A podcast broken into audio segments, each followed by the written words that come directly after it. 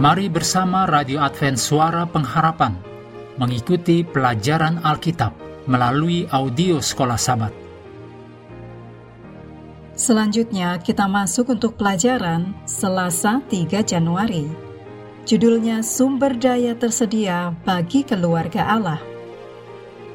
Mari kita mulai dengan doa singkat yang didasarkan dari Galatia 3 ayat 26 sebab kamu semua adalah anak-anak Allah karena iman di dalam Yesus Kristus. Amin.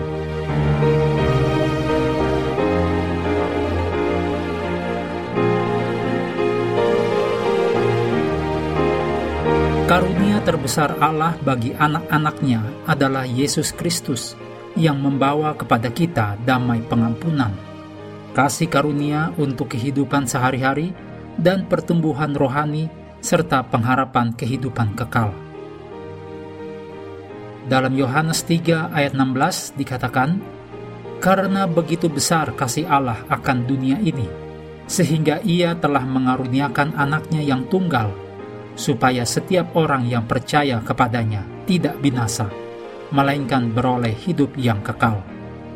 Kemudian, dalam Yohanes 1 ayat 12 dikatakan, tetapi semua orang yang menerimanya diberinya kuasa supaya menjadi anak-anak Allah, yaitu mereka yang percaya dalam namanya.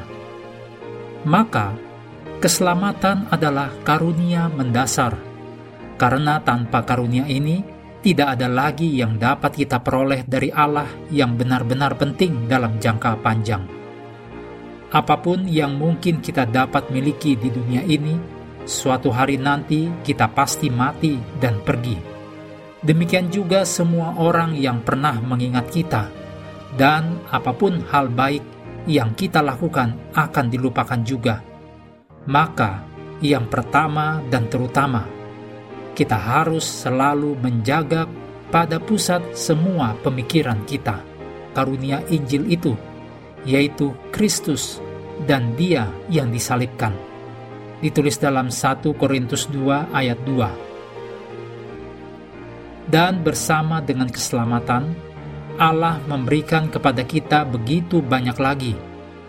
Kepada mereka yang mengkhawatirkan makanan dan pakaian, Yesus menawarkan kelegaan dengan mengatakan, "Tetapi carilah dahulu kerajaan Allah dan kebenarannya, maka semuanya itu akan ditambahkan kepadamu." Demikian ditulis dalam Matius 6 ayat 33. Mazmur 23 ayat 1, Mazmur 37 ayat 25, Filipi 4 ayat 19. Semuanya mengatakan tentang persediaan Allah untuk kebutuhan kita sehari-hari. Juga saat Yesus berbicara kepada murid-muridnya sebelum ia pergi, Yesus menjanjikan karunia Roh Kudus untuk menghibur mereka. Ditulis dalam Yohanes 14 ayat 15 sampai 17. Jikalau kamu mengasihi aku, kamu akan menuruti segala perintahku. Aku akan minta kepada Bapa dan ia akan memberikan kepadamu seorang penolong yang lain, supaya ia menyertai kamu selama-lamanya, yaitu roh kebenaran. Dunia tidak dapat menerima dia, sebab dunia tidak melihat dia dan tidak mengenal dia.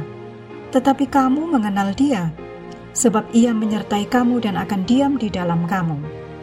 Selanjutnya dalam Yohanes 16 ayat 13. Ia akan memimpin kamu ke dalam seluruh kebenaran. Dan dalam 1 Korintus 12 ayat 4 sampai 11 bahwa kemudian roh itu sendiri memberikan karunia-karunia rohani yang ajaib kepada anak-anak Allah. Singkatnya, Allah yang di dalam Dia kita hidup, kita bergerak, kita ada, ditulis dalam kisah 17 ayat 28. Allah, ia memberikan hidup dan napas dan segala sesuatu kepada semua orang, ditulis dalam kisah 17 ayat 25.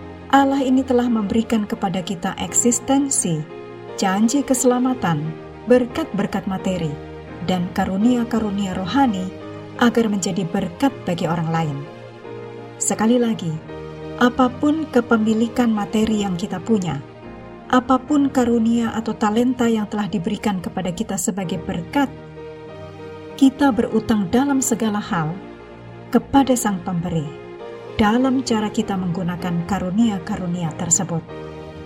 Mengakhiri pelajaran hari ini, mari kembali ke ayat hafalan kita dalam 1 Yohanes 3 ayat 1. Lihatlah betapa besarnya kasih yang dikaruniakan Bapa kepada kita, sehingga kita disebut anak-anak Allah. Kami terus mendorong Anda untuk mengambil waktu bersekutu dengan Tuhan setiap hari, bersama dengan seluruh anggota keluarga baik melalui renungan harian, pelajaran sekolah sahabat, juga bacaan Alkitab sedunia percayalah kepada nabi-nabinya, yang untuk hari ini melanjutkan dari 1 Tawarif pasal 17. Tuhan memberkati kita semua.